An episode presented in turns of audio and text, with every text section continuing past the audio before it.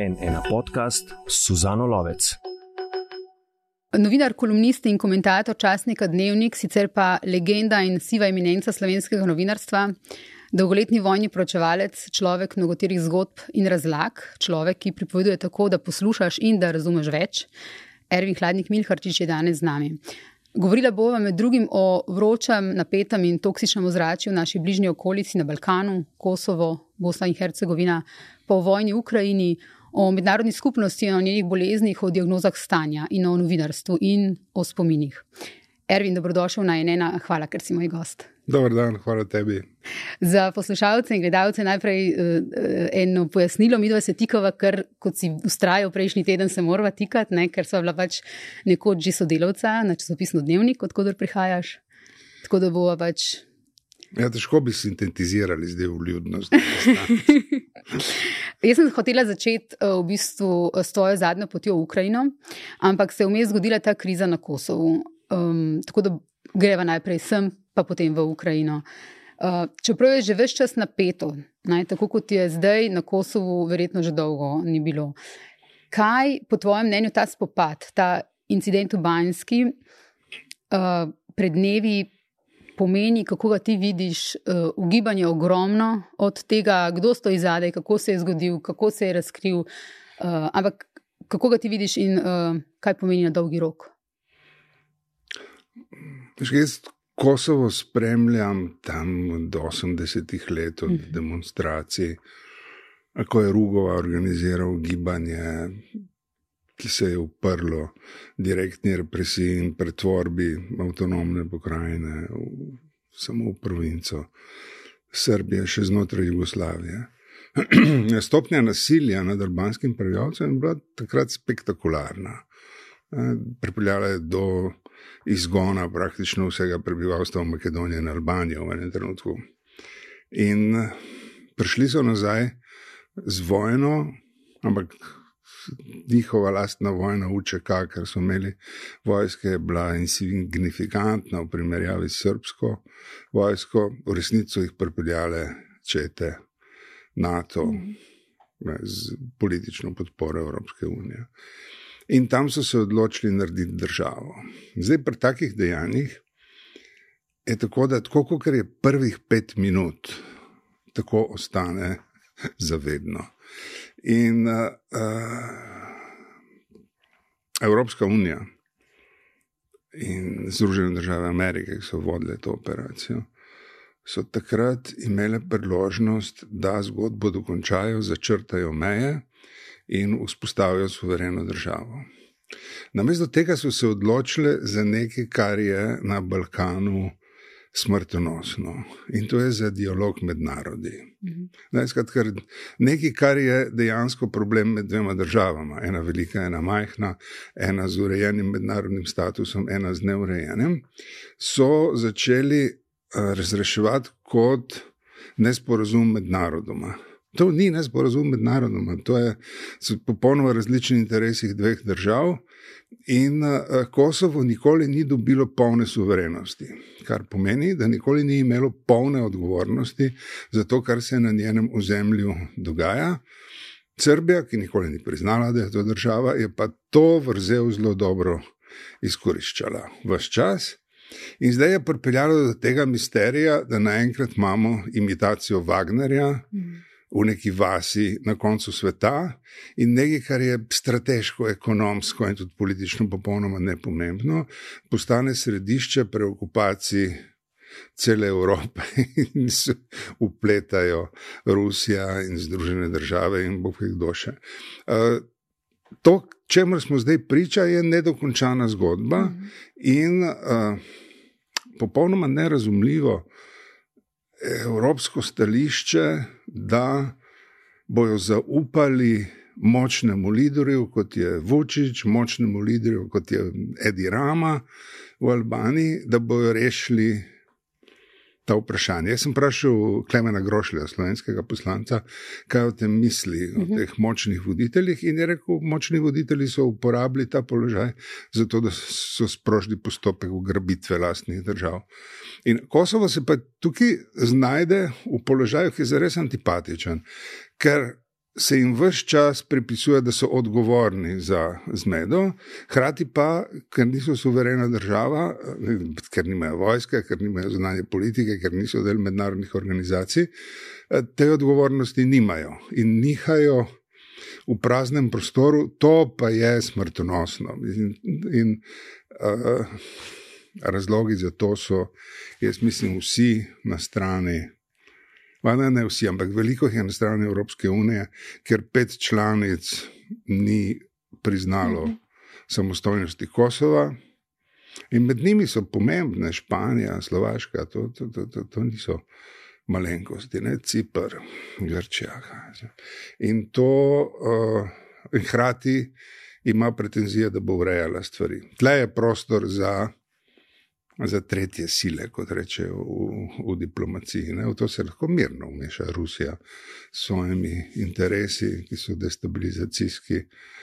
Ali pa se američani naenkrat odločijo, da jih ne zanima več in prepustijo ozemlje samemu sebi. Prvi, ki čaka v vrsti, je Turčija. In, eh, jaz napisal na kolumno o tem, kjer sem citiral Tomasa Carlyla enega esejista iz 19. stoletja, ki je, jaz mislim, da v dveh stavkih seštev zadevo, ker je rekel, če stvari prepustimo samim sebi. Potem bojo s časoma uredile same sebe na način, ki nikomor ne bo všeč. Mm -hmm. Jaz mislim, da se, je, da se je to zgodilo v razmerju med Kosovom in Srbijo. Ne, prepustili rekel, sile, ki, ki, ki, ki tam nastopajo kot pokrovitelji ali pokroviteljice, so prepustile položaje samemu sebi, in na koncu se je razvijal nekaj, kar nikomor ni všeč. To je pač grožnja. Breznega oboroženega spopada s težkim orožjem, kjer niso več omešani demonstranti in policijske sile, ampak komandosi. Mm -hmm. Um, ti si v kolumni ta teden, uh, oziroma v komentarju, napisal, ne, da uh, živi Kosovo že več kot 20 let v prihodnem statusu, to, kar si zdaj govoril, ne, med okupiranim ozemljem in osvobojeno državo z omejeno suverenostjo.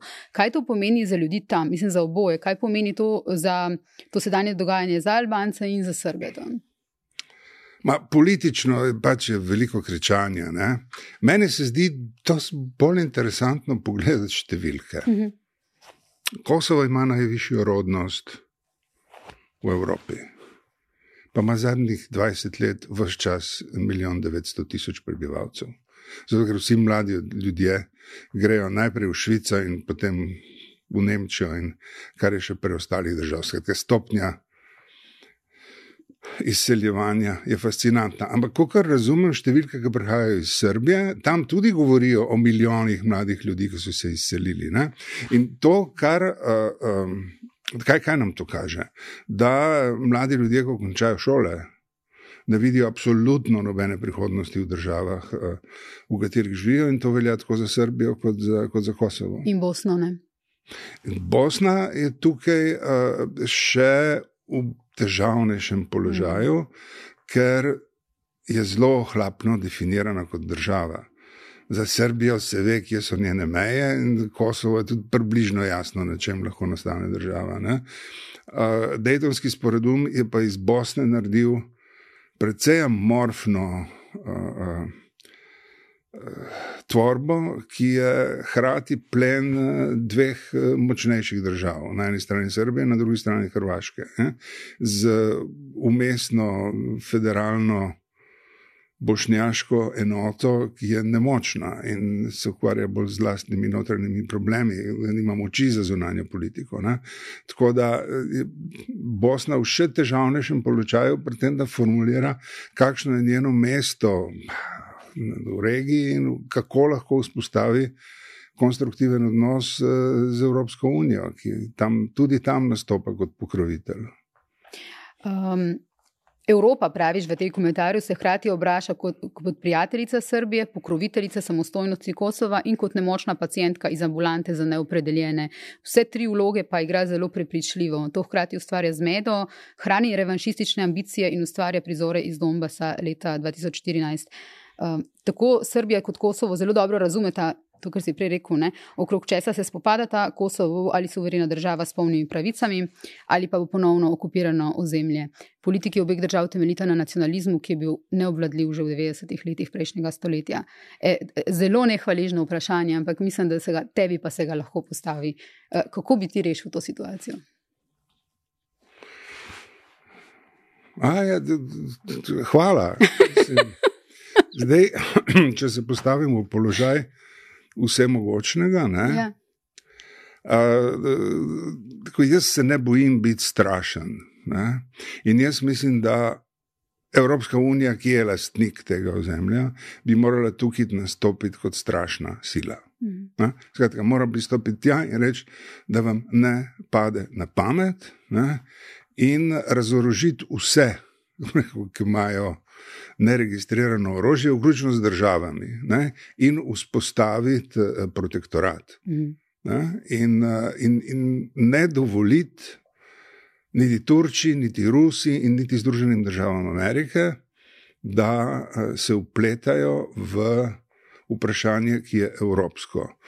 In rešiti ga mora z jasno definiranimi mejami in jasno definirano politiko, ki komunicira z državami in z nikomer drugim. Mhm. Skratka, ampak to, to pomeni strašno eh, investicijo konsistentnosti, politične mobilizacije in vojaške moči. A, jaz bi to naredil. Bojim se, da Evropska unija. Uh, nima nobenega veselja, da bi to počela, pa bi morala, ker je to periferija Evropske unije, ni periferija Rusije, ni periferija Amerike, in še zdaleč ni periferija Kitajske. Uh, Turčija pa ima tukaj zgodovinske uh, pretenzije, za katere je treba reči: Poglejte, koliko je pač tukaj kulturno zanimivo, vaše zanimanje za ta teritorij ni več vaš. Mm -hmm. To je pač evropsko ozemlje. Tega Evropa ne zmore. Ne? To, jaz v, v tem vidim problem. Uh, in uh, se mi zdi, da edino, na kar lahko upamo, je, da bo ta cirkus uh, zdaj. Uh, Evropski, ne, okrog definiranja odnosa do vojne v Ukrajini, vzpostavil razmislek, da mogoče ta hlinjena prijaznost mm. ne, in uh, neopredeljenost, uh, kar s čimer imajo pač še veselje uh, evropski diplomati, ja, ne, da, da, je, da se je iztrošila. Mm. Ne, tukaj ni, ni več prostora, jaz mislim, za, za mehko diplomacijo. Ne. Zveni grdo, ampak v svetu, v katerem živimo, je pač tako. Ker to, kar si zdaj omenjal, da uh, okay, Vučić koketira z Rusijo, mislim, ne koketira, to je čist nepravilen izraz, ne? je mnogo več od tega. Uh, ampak kako, neki si že geopolitično v mestu, sedajni trenutek, ta širši kontekst uh, in kaj se dogaja. Ampak geo, to geostrateško prerivanje velikih za vpliv na Balkanu, ne? to nevidno spopadanje ali pa tudi že vidno med Rusijo in Ameriko, puljenje za vpliv tem, v tem delu sveta. Um, od začetka vojne v Ukrajini naj bi se recimo. Um, povečalo število ruskih obveščevalcev v Srbiji, takšne informacije za veliko število. Ruski državljani so od začetka vojne v Ukrajini v Srbiji ustanovili 7000 podjetij. Uh, ni sicer jasno, koliko jih je tam za to, da dobijo um, stalno prebivališče in koliko za druge stvari, ne poročajo srpski mediji. Uh, zelo je prisotna Amerika, Evropska unija. Uh, kot se je včeraj spraševala naša urednica Katja Šeruga, uh, zakaj je ta del sveta torej, na tak način strateško zanimiv? Da se pulijo vsi ti, ki sem jih jaz omenila, ki si jih ti omenil, da so tukaj prisotni, a hkrati v bistvu. Ba, bom, bom, bom še enkrat rekel. Jaz mislim, da zato, ker Evropska unija nikoli ni definirala zunanje politike do svoje periferije kot prve prioritete, ki je njena stvar, in uh, prišla do sklepa, da je treba vse ostale razgnati. Hmm. Ne? In je pač prepustila prostor. Evropska unija, te ne gre pozabiti, pol milijarde ljudi in ekonomska moč, ki je spektakularna. To ni, to ni neko področje uh, revežev, ki ne znajo skrbeti sami zase. Ne, ne večino, Evropska unija, je, oziroma Evropa kot, kot kontinent, se je tam po drugi svetovni vojni uh, odločila, da bo lastno varnost prepustila Združenim državam Amerike in da jim bo hrati prepustila tudi skrb za stabilnost sveta. Ne. To je nekaj časa je to čisto lepo delovalo, ne? zdaj pa ne več. Mislim, zdaj je stabilnost periferije Evropske unije odvisna od Evropske unije. Ne? Ker če Evropska unija tam ni sila, potem se tja noter naselijo sosedje. In ki jim je pa v interesu, da je Evropa čim bolj disfunkcionalna, zato ker funkcionalna Evropa je pač premočna sila za to, da bi jo lahko ignorirali. Ne? Če se mora ukvarjati z vlastnimi notranjimi problemi in če ne more niti Slovaške prepričati, da se vključi v skupno zunanjo politiko, ne? potem je šipka ne? in se lahko z njo poigrava, kar vsakemu, ki ima. Uh, Reši Evropo od drugih kontinentov, no, bom tako vljudno rekel, a, a, pa da lomi srce. Ne? Ali se lahko to, kar smo zdaj videli uh, na Kosovu, um, pač to je bil dogodek, ki je res eskaliral do te mere, da ne, tudi srpski mediji, kosovski mediji so še vedno polni v bistvu teh. Uh, Naslovov, ki so dejansko tragični in pač res se, kot se temu reče, voha vojno. Ne? Ali se lahko to nekako prelije še v Bosno, kjer je že, kjer je že tako vse čas uh, napeto? Kaj v bistvu to pomeni za ta, ta del Balkana, po tvojem mnenju? Ma, to, kar smo videli zdaj na severu Kosova, je paravojaška enota z, z silno težko oborožitvijo in improviziranimi vozili. Ne? Ni bila to ravno super organiziran komando, Mislim, niso preleteli spadali in uh, vojaško organizacijo za sabo. Uh, mene to spominja na začetke. Uh, vojno v Jugoslaviji, na Knin, Borovo selo, kjer je bila podoben scenarij. Nek spopad oboroženih uh, civilistov uh, s policijo, kjer je nekaj policistov mrtvih, in potem se najprej organizira srpska krajina na Hrvaškem, in potem srpska krajina, spet na Hrvaškem, na drugem koncu v Slavoniji. Ne? In v obeh primerih je šlo za nedožen spopad s policijo, ker je eno večje ali manjše število policajev obležalo mrtvih, in je to potem se razvilo v, v konflikt, ja, oborožen in potem v vojno. In nevarnost je tukaj ta, da če uh, le tle umrl en kosovski policist. Ne, To, po mojem, Kosovo še je pripravljeno sprijeti, da bo se bo rešilo po diplomatski poti. Mogoče. Ma če bi jih bilo 20, ne, pa jaz mislim, da, da ne bi bilo tako. Ne. In vprašanje, da vprašanje ste dve, resni. Prvič, kako preprečiti vojno? Ne in kako preprečiti, da je vojna konstantna grožnja. Mm. To je pa pač s politično rešitvijo problema, tako da ga najprej jasno definiraš. Ne, ne kot vprašanje samostojnih občin, prehodnosti meje in tako naprej, ampak da ga definiraš kot vprašanje suverenosti Kosova brez pogojev. Ne? To pomeni članstvo v Združenih narodih in drugih mednarodnih organizacijah, skozi katere se potem te problemi lahko rešujejo na enakopravni ravni. Nekaj, mislim, da problem, ki ga ima zdaj Kosovo in uh, prednost, veliko, ki jo ima Srbija, je to, da, da Kosovo dejansko ne, nima. Uh, Nima kompetenc, ki sodijo k suvereni državi, in tudi nima vojske. Ne. Po 20 letih razvoja je to vsaj ne navadno. Hmm. Um, napad je načrtovala, politično in logistično podprla ter financirala Srbija, je rekel Kurti. Vučić pravi, da gre za laži in da je Kurti edini, ki želi vojno in spore. Uh, da, in da za njim ubiti napadalci niso bili teroristi, ampak družinski ljudje. Kako torej spraviti stvari iz tega, kar je šlo iz steklenice, ali pa kar je uhajalo, pa zdaj tako veliko ušlo nazaj na, na tem, kjer bodo vladljive. Torej, drugi del tega vprašanja, kako preprečiti vojno in kako naj, kot ti praviš, vojna ne bo stalna grožnja, kar trenutno je. Ves čas v bistvu se že pogovarjamo o, o tej možnosti. Ne? Ne, ti malo veliko zahtevaš od drugih. Ampak vseeno si na drugi strani ti. ne, da, da, da, da ti reši mednarodne probleme. Poglej, to, to, kar govori ta eh, predsednik Srbije in eh, kosovski premijer, po mojem, lahko ignoriramo. Ta dva morata, sta plačena za to, da lajata en na drugega. Vprašanje je, v katerem forumu ne, eh, je to mogoče razrešiti na način. Uh, ki nikomor ne bo všeč, rečemo temu tako. To, to praviloma za rešitve take.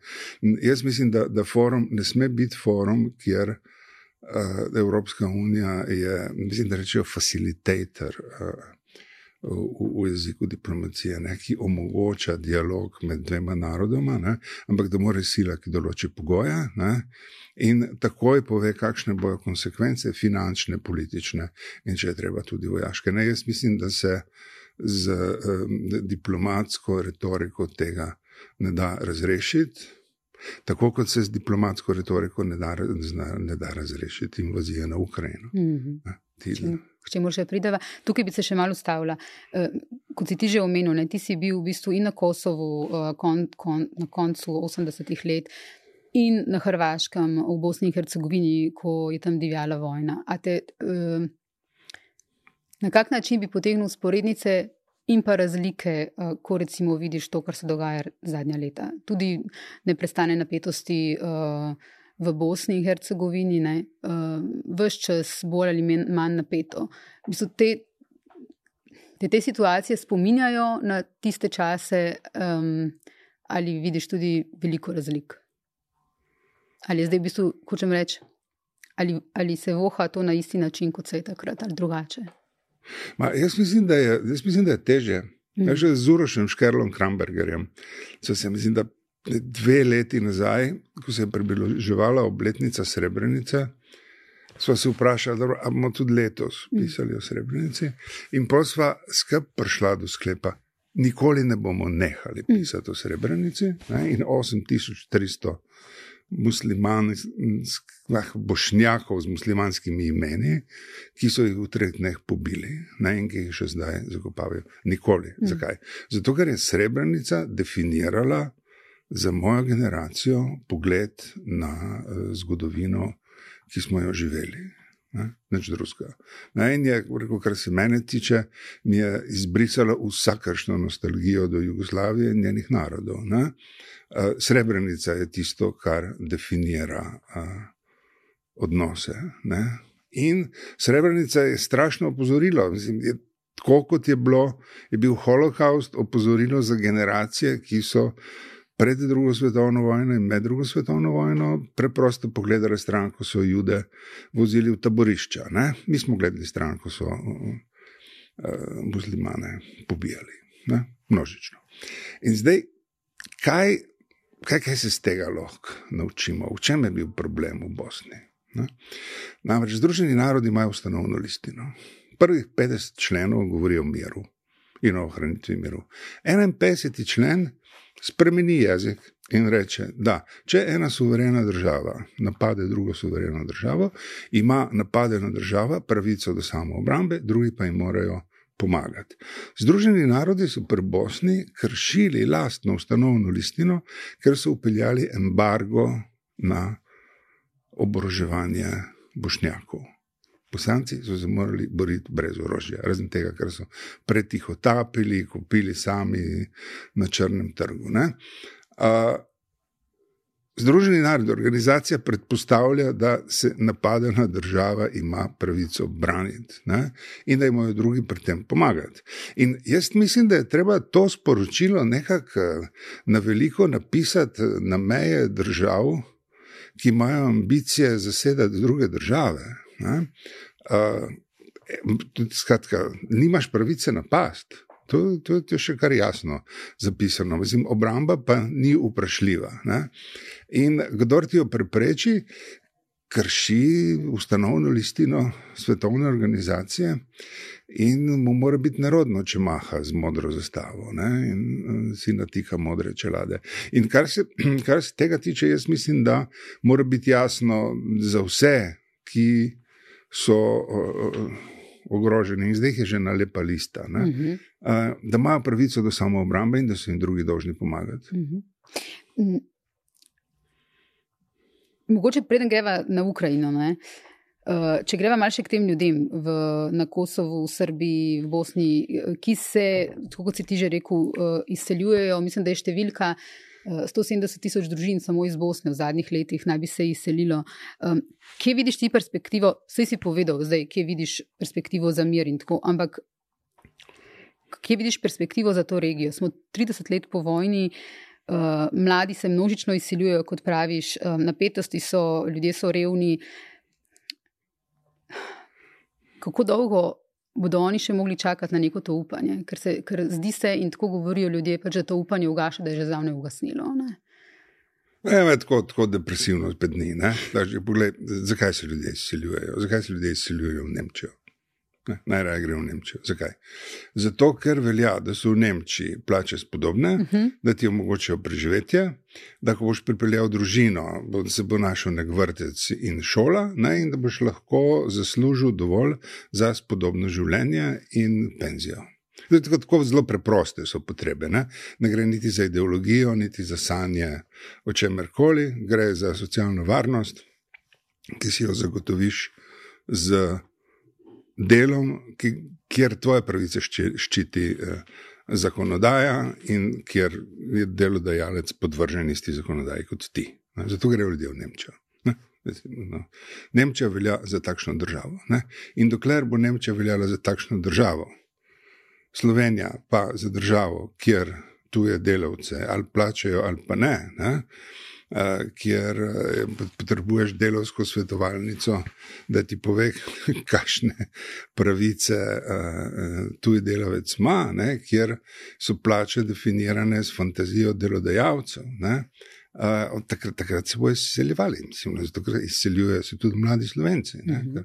Mhm. pač, no, jim je všeč, dobijo iste garancije, kot jih dobijo drugi. Ne. Zdaj, utopično rečeno, ne, dokler, dokler balkanske države ne bojo zagotavljale vsaj podobnih pogojev dela in plačila kot uh, Nemčija, ki je tukaj jemlje samo kot primer, so še druge. Ne, uh, do takrat uh, se bodo ljudje izseljevali in ne bojo zaupali uh, svo, svojim državam. Ne. Ne, tako, tako, to, to, to, to je formula. Uh mhm. -huh. in, uh, in jaz mislim, da za, za, za to nikoli ni, ni, ni prepozno. Ne, tukaj jaz vidim generator vseh ostalih uh, nestabilnosti. Ne, če, imaš, če imaš šibko državo. Ne, potem se vedno najde močna država, ki se ji zdi, da tukaj je pa zdaj priložnost, da uh, da se polasti njenih uh, naravnih, človeških in družbenih resursov. Ne. Eh, ta mesec si bil spet v Ukrajini, kot sem že omenila. Mm, kaj so ti pripovedovali ljudje, torej leto in pol po začetku vojne? Uh, videla sem, prebrala sem uh, v dnevniku, torej, um, da ti je pojasnila ne, na, na vprašanje, torej Zahodni Ukrajini sploh ve, ne vedo, da je vojna. Je rekla gospa Ksenija, uh, pojdite na pokopališče in štejte zastave na grobovih. Pod vsako zastavo je pokopan mlad fant, ki je pred enim letom odšel Donbas ali Herson in se vrnil v krsti, štejte grobove, tako mi vemo, da je vojna, tam so fantje, ki jih poznamo, tega ne bomo nikoli pozabili. Uh, a ti ljudje, uh, spomnim se tistega prvega dneva vojne, vsi se ga spomnimo, ne? ti si bil takrat tudi tam? Ne? Jaz sem bil v Kijevu. Ja, ja tako je. Um, po letu in pol uh, ti ljudje vidijo konec vojne. Kaj so ti pripovedovali? Uh, pazi, jaz sem šel dve reči preveriti. Eno sem se šel pogovarjati z ukrajinskimi pisatelji. Uh -huh. Uh, zato, ker pač so pisatelji v vojni nekaj, kar je, kar je nam slovencem blizu. Uh mhm. -huh. Recimo, no, od Kajuha do Toneta Pavčka, ki bere majniško deklaracijo. Ne pa me zanimalo, kaj pisateljska elita misli uh, o vojni. Ne? In sem bil presenečen, ker so v Črnovicu imeli pač eno pesniško srečanje in so bili tam vsi, ki veljajo, razen Andreja Kurkova. Bil je Serhij Žadan, eh, Jurij Andruhovič, Artem Čeh, ki je prišel iz Bahmuta, iz Rova. Odcitiral svoje pesmi, podpisal knjige in šel nazaj v vojsko. Ne. Bil je Andrej Ljubka in še drugi. Uh, Slava Pomerancev, pa Igor Pomerancev, skratka, e, ukrajinsko literarna elita. In jaz sem jih seveda vprašal, kaj, kako, se vi, kako se vi znajdete v vojni. Se znajdete na zelo preprost način. Serhij Žadan je največja zvezda. On je uh, dobil nemško, nagrado nemških založnikov za roman Internat, ki ga je letos je dobil za, za najboljši roman leta evropski. Ne? In to ne humanitarno, ampak zato, ker je napisal fantastično knjigo. Ne? Ampak on je, on je rocker, mislim, on je v 90-ih letih bil post-punk, je pandemoni delal na odru, kričal z enimi zelo surovimi kitarami za sabo in reskimi bobni. Hkrati je pa pesnik, pa pisatelj, zelo sofisticiran. Ne? In kaj on dela? On dela literarne večere po, po Ukrajini in posod, kamor ga povabijo, kjer zahteva, da vstopnico plačajo. Zbira denar in potem kupuje vojaške avtomobile za vojsko, ukrajinsko in jih je že okrog 400. Uh -huh. In uh, Jurij Andruhovič, ki je mogoče najbolj znan uh, ropanopisec, poleg Kurkova, uh, on je rekel, da, da on denar daje Andriju Ljubki, ki je kasneje začel in jih je kupil že 200, dva sta pa njegova. Uh -huh. Artem Čeh je, je šel vojake, že drugič. Ne? Vmes med, med enim in drugo rotacijo je napisal roman Ničelna točka. Kratek, lep roman, se splača prebrati. In a, to, kar, kar so, pač se pravi, to je cvet ukrajinske literature. A, oni pravijo, da poti nazaj ni. Karkoli so si prej mislili o Rusiji, in pazim, to so ljudje, ki so doma govorili rusko, so se šolali v ruščini in tudi pisali so v ruščini, še vedno znajo, zdaj pa pišejo samo še v ukrajinščini. Karkoli je bilo prej, kakršne koli vezi so bile, zdaj so vse te vezi potrgane in jih ne zanima. Ne? Do, do te mere, da sem jaz, mislim, Andruhoviču ali, ali ne vem, ali temu Čehu, se mi enkrat zdelo, več kaj ne govorim teh jezikov, ne? ampak zdaj bom ljudu, bom rekel spasiba. Ne? Eh, je rekel, da ne, govori slovensko, ne, ne, ne govori rusko. Ne. Skratka, oni so popolnoma mobilizirani, če se grejo v osvobodilno fronto. Ne se zavedajo strašne cene, vsi, ki jo plačujejo, ampak med, nočejo biti del Rusije. Zatka, ni, Rusija ni nekaj, v čemer hočejo živeti. Ne? Zdaj, drugo vprašanje, ki mi je, pač, ki mi je živce paralo, je, ker sem bil že leta 2014 na Krimu, ko so Rusi prihajali. Ne? Pa sem pol Ukrajino, pa sem bil na Majdanu. In, sem srečal tudi te azov, eh, prostovoljce. In, in nekako mi to, da Ukrajino razglašajo za nacistično državo, mi je šlo v nos, ne? ker jaz namreč nacistov tam nisem srečeval. Uh, sem srečal prenapete, že rekel, nacionaliste, budale popolne, nacistov pa ne. ne? Pa sem se polo vprašal, da mogoče, veš, mogoče sem slep, ne? pa vem, se, ko reko, no, novinar ni treba, da je ne vem kako zelo pameten.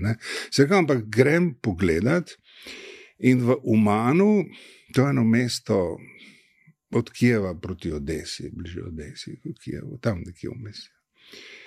V Umanu so Hasidi 200 let, to je ena judovska ločina in še med Hasidi je ta ločina, ki prihaja v uman, nekako najbolj pobožna. Ne? In, in tudi drugi ne marajo najbolj, ki so popolnoma uh, ortodoksni. Ne? No, oni pridejo na romanje na grob uh, rabina Nahmana iz Breslova, ki je tam pokopan v umanu. In tam praznujejo novo leto, roh Šašana, uh, zato ker uh, verjamejo, da če tam zapojejo deset psalmov iz Davidove knjige in dajo novčič za reveže, in potem praznujejo novo leto, da bojo očiščeni vseh grehov. Popolnoma legitimna aspiracija. Ne? No, in se rekel, da če bojo prišli, jaz pač njih vprašal, ljudi so pač. Uh, Rekel, eden od uh, kvalificiranih sogovornikov za to, če so se znašli v nacističnem okolju. Ne. Prišlo jih je 35 tisoč, če, čez mejo z Moldovo, Romunijo, Mačarsko in Poljsko. Ne z avtobusi.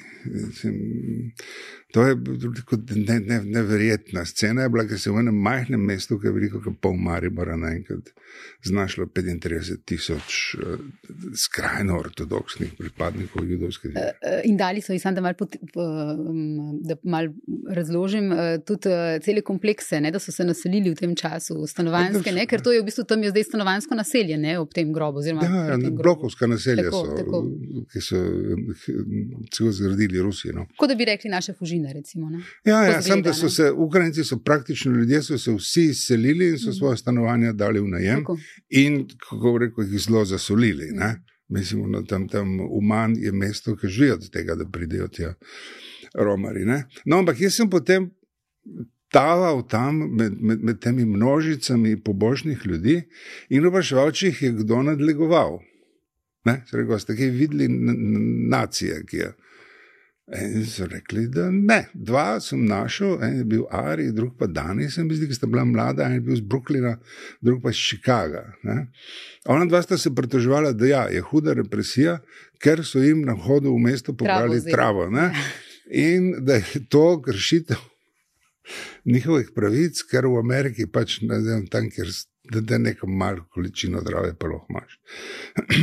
Ampak je bilo to edina. Uh, pa sem pa vprašal, pazi, da sem vprašal Artema Čeha. In, uh, vprašal sem tudi vodjo enega od združenj judovskih občin, mm -hmm. Josif Sejk, Sejk, ali sem jih se klical. Sem ga vprašal, kaj zdaj s tem. Ne? A, a ste vi na cesti ali kaj. Uh, in so rekli tako na več koncih so isto zgodbo povedali. Leta 2014 so bile na Majdanu ekstremistične skupine z nacističnimi simboli. Imeli so politično podporo dveh političnih strank, desnega sektorja in svobode, kar nas uči, da velja pri izbiri imen za politične stranke biti previden. Uh, in so, so imeli politično podporo v parlamentu. 2014 na Majdanu, in potem, ko se je začelo v Donbasu upor, so šli ti dol kot prostovoljci. Na volitvah leta 2014, na katerih je zmagal Porošenko, je desni sektor dobil 1,8 odstotka, sploh ni prišel v parlament, svoboda pa mislim, da je tam 3-4, nekaj takega, kot skratka, irrelevantno. Danes so mi zagotovili, da v parlamentu ni nobene skrajno desne stranke, kar je teh uh, desnih skrajnežev, jih je pa manj kot v državah Zahodne Evrope in so v ukrajinskem kontekstu popolnoma nerelevantni. Mm -hmm. Bataljon Azov je pa bil integriran. V dve veliki enoti ukrajinske vojske, v Marince iz Odese, pa neko brigado, ki sem zdaj pozabil številko, mislim, nekje med 70 in 90 je iz Mariupola. Ne, in so del regularne vojske, ni, ne delujejo kot milice. Uh, je nekaj milic uh, v Ukrajini, ampak v njih so v glavnem uh, tujci, ki so prišli se igrati vojno v Ukrajino. Tako, tako da um, to To sem šel preveriti. Drugo so pa potem pač eno življenjske zgodbe ljudi in to, kako Zahodna Ukrajina a, občuti vojno, sta dva momenta. Eno je to, da se pelješ, tam je Ukrajina je ravna, pa velika in tam so pač majhna naselja v poti. Na koncu naselja je vedno pokopališče. In na pokopališču so zastave. In ko vidiš v relativno majhnem, na majhnem pokopališču, tako kvadrat 20, 30, 50 zastav, ti zlomi srce. Ne? In to je, ob njih so klopce, kamor hodijo žalovati njihove vdove, ker so v glavnem mladi ljudje. To je en moment. Drugi moment so aplikacije na mobilnih telefonih, ki to opozarjajo na raketne napade. Ne? A mislim, da je to neka igračka, ampak je pač, jaz sem tudi si naložil na, na telefon aplikacijo, ki te opozori, da pač no, zapiska in pravi zračni alarm, pejte v zaklonišča ne, in prihajajo rakete. In prihajajo tako, ne, tako Črnovic je, je, je, je prestolnica regije ne, in tam te opozarjajo regija je pod raketnim napadom. Isto velja za Odeso, za Kijev. Ne? In to je uh, na telefonu cela serija, mislim, neskončna uh, zračnih alarmov. Ne? Namreč vojna poteka na dva načina. Eno je to na fronti, in uh, drugo je v zaledju, kamor letijo rakete in ta bolj moderna naprava, te brezpilotna letala pač občutek je, da te lahko kadarkoli, kjerkoli mm. zadene. To ni ravno prijeten občutek, ampak so mi zagotavljali ljudje, da se navadiš. Kar, kar mene, ko si rekel, da te stresa ali da te zlomi, ne, ko vidiš te, uh, ta pokopališča. Ne, uh, v, v tem tekstu, ki ga omenjam, tvojem uh, iz tega meseca, uh, je marsikaj, ampak um, na koncu praviš tudi Kijev, ki redno doživlja nočne napade, z droni in raketami je urejen, kot da je nedelja. Osrednji trg Majdan je zlikan in počesan, blagovna hiša pod njim založena. Iz hiše se, se gre urejen, vojni se ne popusti. Natašo Kramberger bo razveselilo, da v kiosku kavarne Aroma na Majdanu še vedno vprašajo, ali bi makijato z običajnim mlekom ali mlekom iz mandljev in riža. Amerikano ali espresso. Rezistenca je stvar drobnari tukaj je meni zvilo. Um, to, da v bistvu uh, si predstavljamo in tudi pišeš, da so kraji taki, kot so naši, kot je Logatec, postojna, uh, ne, po, ali, po pa Ukrajini, ali pa Ljubljana. Uh, in kako se je v bistvu vse spremenilo, in kako se uh, ne sme nič ne spremeniti. Ne. Ampak to smo videli že v Sarajevu. Hmm. V Sarajevu je tudi veljalo, da ni bilo ničesar, da je bila zima leta 1993. In so ženske, ko so šle iz hiše, ustrajale mm. pri tem, da uh, pač, no, se našminkajo in, in uredijo. Ne? In uh, moji, moji prijatelji so bili zelo nezadovoljni ne? z mano, ker se jim je zdelo, da hodimo okrog kot nepospravljena postelja. Ne? Mm. Uh, pa sem razlagal, da je to moj osebni stil. Pač, uh, ampak je to, ja, seveda, ko reko, rezistenca je to, da ohranjaš parametre. Uh, Normalnost. Normal, ja, do, do te mere, da se ti rodijo otroci in jih vzgajaš med vojno. Uh mhm. -huh. Tam, rekel, tam je težko biti novinar. Veš, no, ko vidiš uh, mlado mamico, samo ki potiska voziček pred sabo, tudi pa zračni alarm. Ne? Rekel, razumeš, ne, kaj dela, skratka, ohranja samo spoštovanje, noče, uh, noče pristati na to, da so jim uničili življenje. Ne, ampak ja, v drobnarijah se kaže uh, uh, uh, odpor. Ja.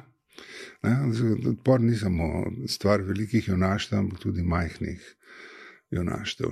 Te ta majhna junaštva se kažejo na vsakem koraku. Jaz sem se vračal čez Lviv. In med tem, ko je meni na telefonu tam piskalo, ne, da uh, Lviv, zračni alarm, vsi v zaklonišča so na glavnem trgu, ki je, ki je park, so ljudje spuščali te svetleče uh, igračke, ki letijo v zrak. Ne, in prepevali in uh, ustrajali pri tem, da je naše mesto, ne bomo, ne bomo popustili. Ne? Mislim, to, uh, nič, če dvigneš klub, če ga imaš. V, ti si, kot sem rekla, uh, veliko hodil tudi po Hrvaški in Bosni, ko je tam divjala vojna. Um, veliko si hodil tudi z Imo Štandekerjem, ne? ki je tam uh, tragično preminil. Um, Ko se pogovarjaš o vojnah, ko te sprašujejo ljudje, tako kot te jaz zdaj sprašujem, ko uh, pogledaš nazaj, um, si si že večkrat opisoval to, da pač kot vojni poročevalec, pri čemer si vedno rekel, da se nisi imel za vojnega poročevalca, da se imaš za nekoga, ki tja gre in pripoveduje to, kar mu ljudje pripovedujejo. Nekako nisi. Uh, um, Rekl si prav enkrat, da se nimaš za vojnega poročevalca, čeprav de facto to seveda si bil. Um, A se pogosto spomniš na to, kakšno je bilo novinarstvo takrat, kako ste takrat šli kot mlajši novinari, mladi novinari v tisto vojno poročati? Recimo, ko greš v Ukrajino. Male, šli smo enako brez glavo, kot, kot gremo zdaj. Se je šla vaša kolegica Katja Miklavič, šla notko v Kijev. Ne? Mislim, da si že lani enkrat se spomnim, da je pisala en lep članek, zdaj pa še kdo drug je šel. Ne? Skratka, zdaj se nam ni zdravnik rekel, da ne bomo novinari. Ne? Zdaj, gledati na, na zemljevid, ki je kakšna vojna, pa ti je teč, ne to delajo bedaki. Ne?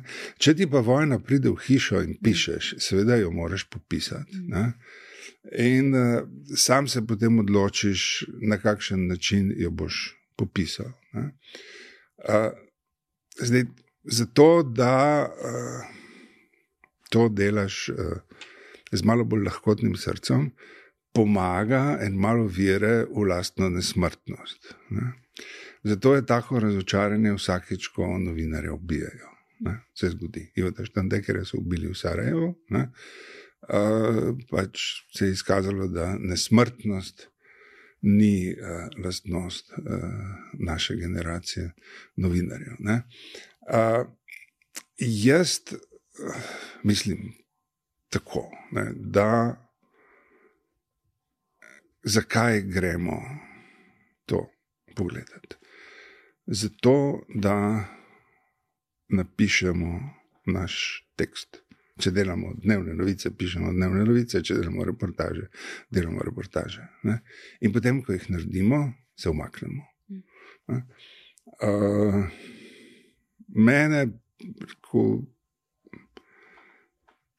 me ravno toliko veseli se delati intervjuje v najbolj dolgočasnih okoliščinah političnega nemira v Sloveniji, ne, kot delati intervjuje sredi vojne.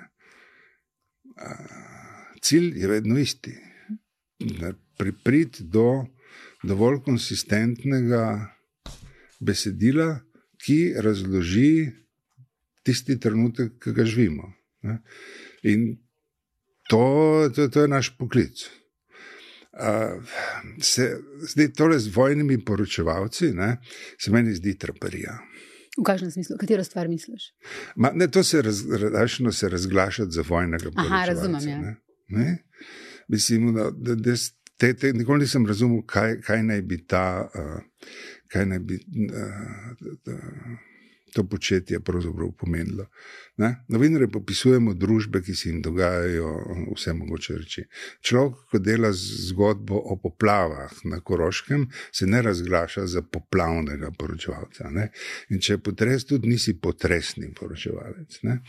Uh, in rekel, v vojni si pač ali poročevalec, ali reportažni novinar, ne? ali pač nekaj že počneš, kar ima zvezo s tvojim poklicem. Zožiti ne, svoj mhm. profil na to, mhm. ne, se, mi zdi, uh, se mi zdi nepotrebno in preveč uh, omejujoče. Ne. Ti si novinar, ki v enem trenutku pač poroča o, o vojni. Ja. Uh, ampak to je nekaj, kar delaš, ne nekaj, kar si.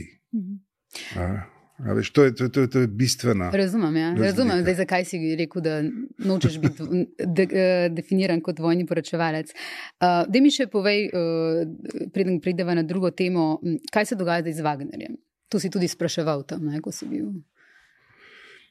Uh, ja, zdaj, zdaj sem tam pač vpraševal ljudi, ki so bili v Bahmutu mm.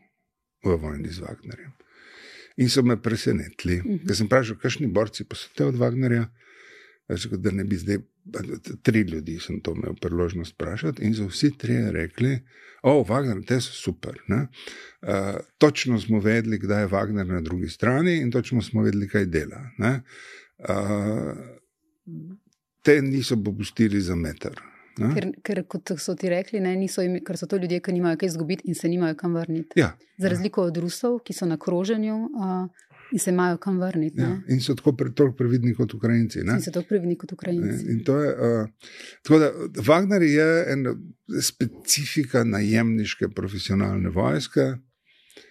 Uh, mogoče nekoliko manj urejena od francoske tujske legije, drugače pa Jaz sem v, v Afganistanu videl Blackwater, mislim, da so iste branže ljudje, mhm. ne, ki jim je vseeno, uh, kakšen je cilj vojne, oni so pač profesionalni vojaki in uh, to počnejo za denar. Ne. To niso ljudje, ki bi to imeli kakršno koli drugo agendo. Uh, to, kar se je z Wagnerjem zgodilo, ne, je, je pa zanimivo. Zdaj, težko je oddaleč razumeti dinamiko funkcioniranja uh, ruske družbe. Ne, ampak to, kar se je dalo razumeti, je bilo tako, da ko je poveljstvo nad ruskimi enotami prevzel general Surovikin. Je tam začel razmetavati ogromne količine zemlje in utrjevati fronto. In je to naredil brezhibno, mislim, to je položil minska polja, skopal protitankovske jarke, naredil ovire, tako da je fronta tako rekoč neprebojna. Ne. Je, uh, general Surovik je pa prišel potem do istega sklepa kot Prgožin, da mogoče, da mogoče so se v štabu ruske vojske ušteli, ne, ker uh, niso računali na to, da je ukrajinska vojska, ni več ukrajinska vojska iz leta 2014. Mm -hmm. Preprosto so bili slabo informirani. In Prgožen je pol enkrat rekel, da so politiki in generali lagali, čež da. Uh, so se borili oni proti nacistom? Ne, pač rekel, ne. Mislim, mi smo se borili proti Ukrajincem, mi smo jim hoteli zasesti državo. Ne? In delo se je, da je general Surovikin saj, saj ni oponiral tej ideji in to sta oba plačala. Ne? In jaz mislim, da zdaj, zdaj konc zgodbe o Wagnerju v Evropi. Seli se v Afriko, kjer uh, kjer se dogajajo precej bolj eh, zapletene reči od tega, kar pride do nas, ker Afriko ignoriramo, mm. kot da je na drugem planetu. Ampak tam poteka eh, ravno tako najprej gospodarski, politični in tudi vojaški spopad za nadzor celih segmentov Afrike, kjer so strateški resursi. In tako, Vojna je pa vojna je preprosta stvar. Pri vojni nikoli ne gre za ideologijo, za ideje Boga in svetnike. Ne? Gre preprosto za nadzor nad ozemljem in nad naravnimi in človeškimi resursi. To velja za Ukrajino, to velja za Kosovo in to velja za Afriko. Ne? To je pač spopadi, spopadi imajo vedno, so vedno utemeljeni na, na, na zelo realnih interesih, ne, ne, ne na fantazijah. Eh, dovolila si bom tukaj še eno fulnaivno vprašanje. um, kako je možno, da v 21. stoletju, ko imamo um, okoljske katastrofe, ko imamo uh, pandemije, ko imamo um, podnebno krizo, ki vpliva na čisto vsakega od nas. Um, Ko imamo umetno inteligenco, s katero ne vemo, kaj bo, ko v bistvu znanstvena fantastika, ko se reče Future is now, ne, uh, se pogovarjamo um, o vojnah, o tem, so, kakšne so te realne podstati vojne. Um, novinari, konkretno ti, pišejo o grobovih, o ljudeh, ki prihajajo z fronte, o mrtvih uh, mo možovih. Um, kako, v bistvu, kako si to razlagaš? Kako si osebno to razlagam, ali kako profesionalno to? Osebno. osebno. Male, jaz, odkar se spomnim, ne, poslušam, da bo vsak čas konc sveta. Mhm. To si mi rekel zadnjič, da ti nisi teoretik konca sveta. ja. Men, uh, in to je že na različnih koncih sveta, sem poslušal, da to je pa zdaj zares konec. Uh, men, mene to ne prepriča. Ne? Uh, pa nisem nek naiven optimist, veš, ampak ono, se mi zdi, da uh, to, kar mi zdaj doživljamo. Ne? Je, ja, je, je, je, je, je konec sveta za mojo generacijo. Ne? Moja generacija je živela v miru, bolj ali manj. Mislim, nikoli nismo resno vzeli vojne v Bosni kot svetovno vojno ne? in bosanske žrtve kot nekaj eh, strašnega, ampak eh, so evropski politiki bili pripravljeni mirno reči, da od druge svetovne vojne živimo v miru. Ne? V Evropi, ne? kot da se to dogaja kje drugje. Zdaj je, in živeti v miru je bilo super. Ne? To je pač no, temeljilo je na dveh postavkah. Ne? Eno je bilo blagostanje, drugo je bil mir.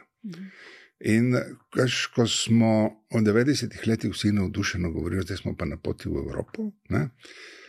A, smo o tem govorili, o blagostanju in miru. A, kar nismo razumeli takrat, ne? mogoče je to, da blagostanje temelji na nemški avtomobilski industriji in na enem tipu ekonomije, ki mogoče bo prišel do svojega zasluženega konca. Ne? Mir pa na tem, da je Evropa prepustila Združenim državam Amerike skrb za stabilnost sveta ne? in se odpovedala, da bi imela svetovno politiko sama. No, tudi to nekako prihaja do zasluženega konca. Ne? Američani so se Evrope naveličali in iščejo. Eh, druga, druga polja, kjer, kjer, kjer se pasejo, ne, je bolj zanimiva, tam na skrajnem vzhodu. Ne. Evropa pa še vedno, nekako se mi zdi, uh, živi te sanje blagostanja in miru. Uh, pa mogoče se je to začelo iztekati. Ampak, veš, meni, meni je pretreslo to, ko smo se enkrat pogovarjali. Uh, o tem, da je konec eh, časopisnega monopola nad informacijami. Ne? Ne, cel življenje za časopise pišem, sem začel na radiju študenta, ampak sem za tiskam papir pisal. Ne? In sem pa res rekel, ampak je res to? Ne? Sem šel pogledat, a je kakšna država, kjer uh, naklade tiskanega časopisa naraščajo. Ja, je Indija. Uh. -huh. Se, v Indiji jaz nikoli nisem bil, tako da nisem preveril. Vem, da na kitajskem nisem srečal niti enega človeka s časopisom v rokah, vsi so imeli telefone. Uh, v Indiji pa da berejo časopise, ne? kar je. Uh, Kar pomeni, da se uh, razvijajo in da, da prihodnost razumejo mogoče na druge načine. Ne? Polje pa, kar je zares presenetljivo, je, uh, srečaš človeka z drugega konca sveta, pa ga vprašaš, kako, kako kakšno je njegovo mnenje o krizi, kakšna kriza. Ne, kje, kje, kje mi cvetimo, ne? Kje si videl ti krizo. To, to slišiš od uh, Kitajcev, od Indijcev, od Tajvancev, če je treba, Japonci, so popolnoma zadovoljni s svojim razvojnim modelom. Uh, tako da je mogoče perspektiva Evrope, da je ma, bila malo preveč. Pa, premalo pazljiva ne, pri tem, kako skrbi za lastno varnost in blagostanje. Ne. Ampak eh, meni se zdi, da Evropa še vsakeč, ko je eh, se znašla, da rine z nosom po tleh, je prišla k sebi relativno hitro. Mhm. Veš, Evropa je uporabljala 300 let verskih vojn, da se je domislila ideja liberalizma in osebne svobode. Ne?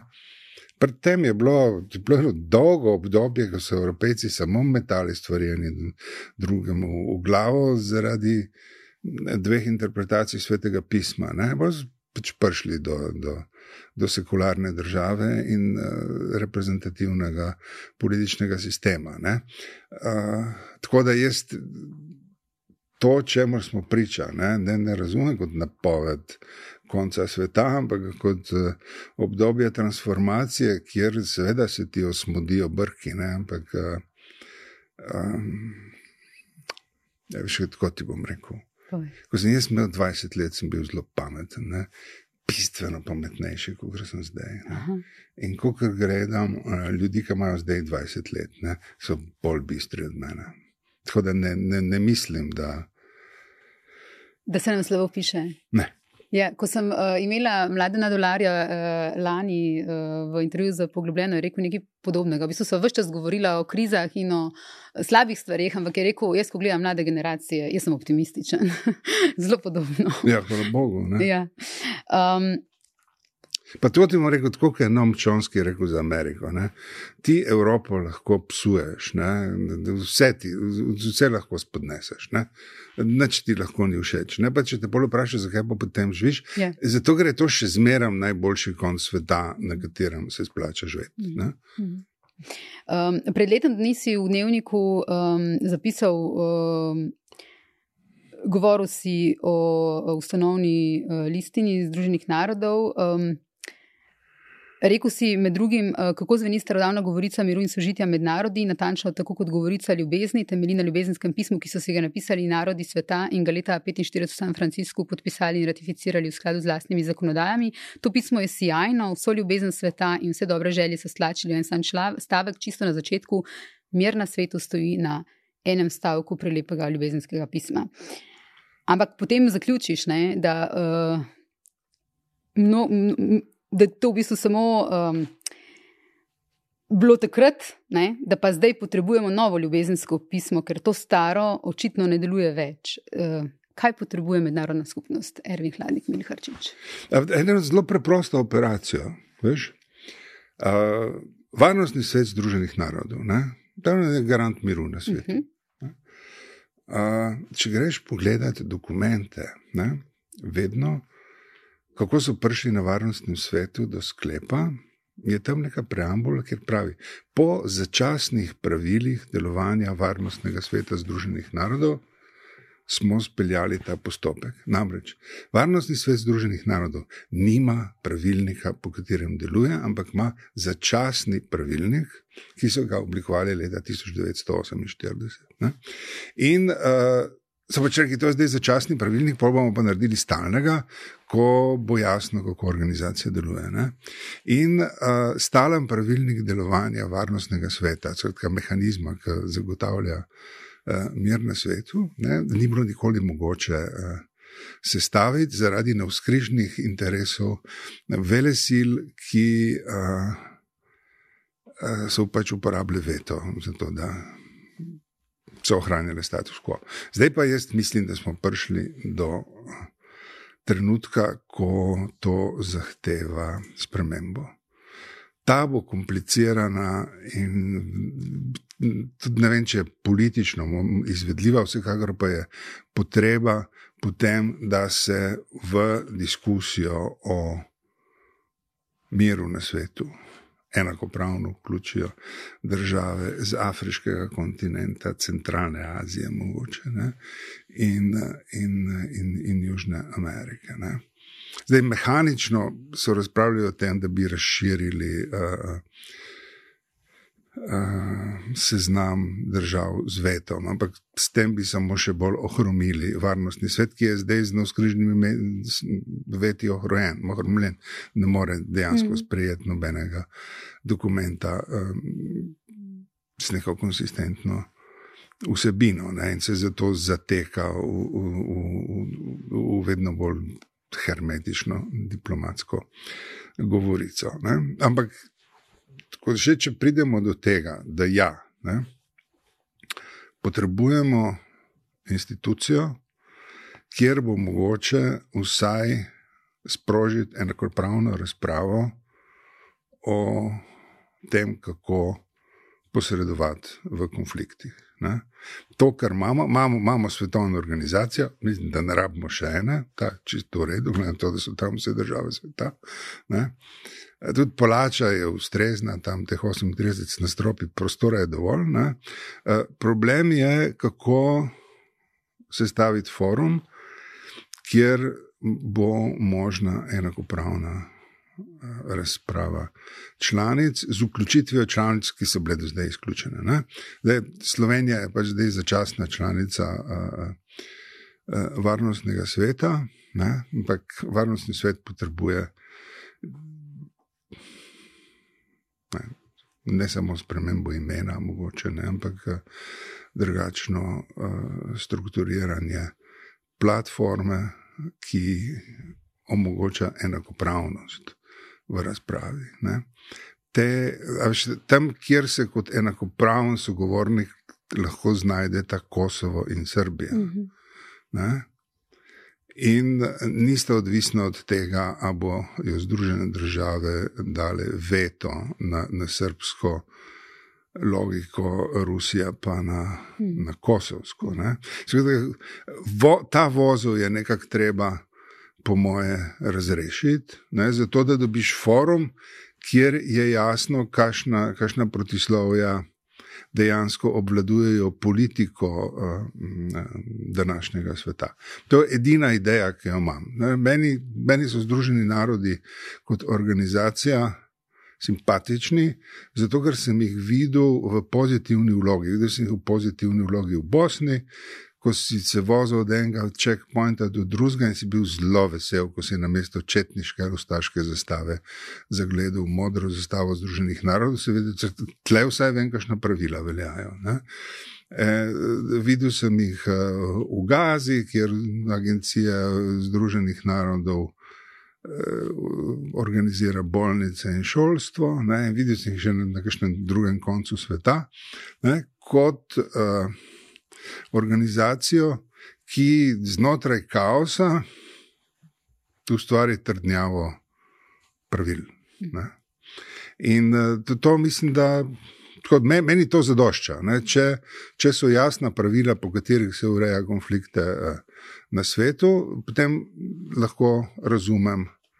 Tudi, kje je moje mesto znotraj njih. Ne? Če tukaj vlada kaos in arbitrarnost in, in uh, pravi, začasnost pravil, ki očitno ne delujejo več, ne, tam sem potem zaskrbljen. Omenil uh, uh, si nekatere uh, kraje, kjer si bil, naj bil si dopisnik uh, tudi um, na Bližnjem vzhodu, bil si v Washingtonu. Kje ti je bilo najlažje delati? Ali pa najljubše? Veš kaj, tako sem rekel, najlažje je delati v Ameriki, ne? Mhm. zato ker je to, kar moraš narediti, enostavno narediti, ne? to, kar je lepo, je pa zares lepo. Ne? Ampak za me izkušnja fenomenalna je, bila, eh, je bil Kajro, pa mhm. Bližnji vzhod, mhm. kjer sta bila dva jezika, ki jo nisem razumel. Ena pisava, ki sem jo moral počasi naučiti brati, ker sem bil tudi analfabet. Ne? In uh, na serija zapletenih družb, ki jih je bilo treba razumeti. Ne? To je bilo tako delovno najbolj intenzivno in, in tudi najbolj radodarno, uh, radodarno okolje. V novinarskem smislu. Ja. Ja. Zato, ker ni, ni, ni, ni bilo interneta še. Uh mhm. -huh. In uh, sem bil prisiljen v najbolj rudimentarno uh, novinarsko delo in to, da, da delam to, kar ti počneš, da iščem sogovornike ki jim lahko grenim življenje z nemogočimi vprašanji. Ne? Tako se reče, neham. um, Bova končala s tem. V bistvu, uh, ne vem, če sem prej omenila, ampak za, za to poročanje iz Ukrajine si lani dobil tudi nagrado Društva novinarjev, ne, uh, Watchdog. Um, kaj pa rajši delaš? A rajši zbiraš kot novinar uh, informacije ali rajši pišeš najna kolegica Meta, draga Meta Roglič, ki jo oba strašno cenjeva, kar smo se prej pogovarjala enkrat meni, ko sem bila še jaz tudi na dnevniku, uh, rekla dobro misel, s katero se jaz tudi lahko poistovetim, ne vem pa, če vsi novinari. Um, da je super nabirati informacije, ampak pol, ko vse ve, je ona zadovoljna, potem pa je treba še napisati. Ampak iz tvojega pisanja, iz načina, kako pišeš, um, se meni zdi, da v bistvu včasih, da, da mogoče nisi na najni strani. No? Da tudi rad pišeš. Ja, jaz zelo rad pišem. Ja. Ja, mislim, pa jaz pač, no, živim od pisanja in mi je pisanje všeč. Ne? Ampak všeč mi je novinarsko pisanje. Nima absolutno nobenih drugih ambicij, jaz, kar je narativnih tehnik, jih porabim za žurnalizem. Ne? Kar je meni privlačno. Ne? In ta nagrada novinarska lani mi je bila uh, v veliko veselje, uh -huh. zato ker uh, se je zgodilo nekaj, kar. Uh, kar je meni pri srcu, pri novinarskem delu. In to, če pridem nekam, preden se tam kaj zgodi. Uh mhm. -huh. In sem sam, in šele za mano potem pridejo eh, te, televizijske ekipe. In če imam pet minut miru, da, se, da, da, da, da, da vem, ok, tle sem, tle sem pa prav prišel. Ne? To se mi je parkrat zgodilo v življenju, to se mi je zgodilo v Kijevu, ko sem prišel kašen teden pred začetkom, še manj, pred začetkom napada. Ne? In sem potem pač hodil po Kijevu in ljudi vprašal, kaj si mislijo, bo vojna, ne bo vojna. In tako naprej. In sem potem 23. 23. februarja napisal članek, v katerem sem citiral nekoga, ki je rekel: Rusi bodo napadli, Ukrajinci se bodo branili in jih bodo zaustavili. Tako da 24. ko so Rusi napadli.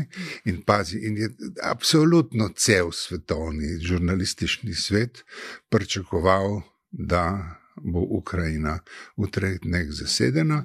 Je v dnevniku šel članek, da Rusi bo napadli, Ukrajina se bo branila in se bo obranila. Ne? In zdaj, še, ko sem jaz, ko sem zaslišal ob štirih in pol, ne, letalsko, to sireno, in pa se je zaslišala eksplozija pri Hastomelu sem pol ah, si rekel. Hm. Zdaj je pa boljš, da je to, kar sem napisal, drži. Ker bi bila pa res sramota, če bi Rusi bili zdaj dveh urah tle uh, v mojem hotelu. Ne? In potem, ko, ko, ko se je izkazalo, da. Uh, Da, da sem imel prav. Ne? Moram reči, da ja, to, tam, to je moment uh, satisfakcije, ne? ko si rečeš, ok, Ne, to je pa posel, ki ga znamo upravljati. Parkrat se mi je to zgodilo, in zato se splača uh, mrskej drugega še napraviti.